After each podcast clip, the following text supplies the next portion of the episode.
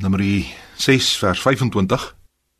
Die Here sal sy aangesig oor jou laat skyn en jou genadig wees. Tema vir ons oordeenking vanoggend: God vertroos en bemoedig swaarmoedige gelowiges met welgevalle en guns. Gesindheid wat ons lewe kenmerk is nogal heel dikwels sombere erns en strakheid.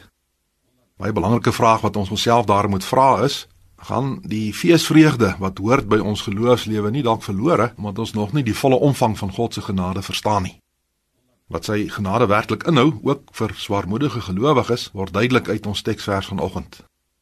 Die Here sal sy aangesig oor jou laat skyn en jou genadig wees. Wanneer God se aangesig ter sprake is, mag ons dit nooit ligtelik opneem nie. Sy aangesig dui immers op sy heilige teenwoordigheid en nou weet ons, in God se heilige teenwoordigheid word die mens verteer. Die evangelie sê egter van Christus wat die vuurgloed van God se aangesig in my plek gedraai het.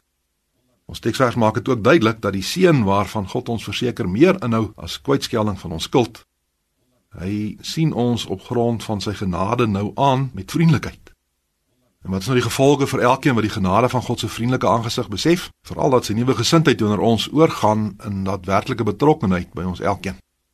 As gevolg van sy goedgesindheid is hy nou reddend en herstellend teenwoordig by ons, sy knegte. Telkens is dit hy wat ons oprig wanneer ons wil struikel. En wie ervaar hoe die Here se aangesig oor hom of haar skyn, sy hele lewe word daardeur geraak. Ek kan myself onmoontlik langer sien as 'n slegte ou sondaar wat hulpeloos en verlore is. Ja, wie die vriendelike aangesig van die Here leer ken het, verstaan ook dat ons so begenadig is dat ons nie langer deur hom gesien word as vyande nie. Sy gesindheid teenoor my raak egter ook die wyse waarop ek kyk na medegelowiges. Onmoontlik kan ek hulle langer afmaak en slegmaak, want ook hulle is begenadig mense oor wie die Here sy vriendelike aangesig laat skyn. My gesindheid teenoor hulle, my optrede teenoor hulle kan daarom nie anders wees nie as vriendelik, behulpsaam. Word daarom vertroos en versterk met die sekerheid dat God ter wille van die genade wat hy aan jou skenk in sy seun, ook sy aangesig oor jou laat skyn. Amen. Ons bid saam.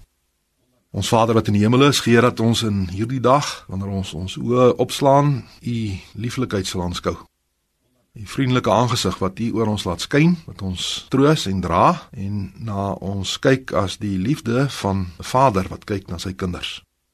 Troos ons in die wete van vergifnis deur U seun, maar ook dat ons as U eiendom kan lewe. En dit bid ons uit genade uit deur U seun. Amen.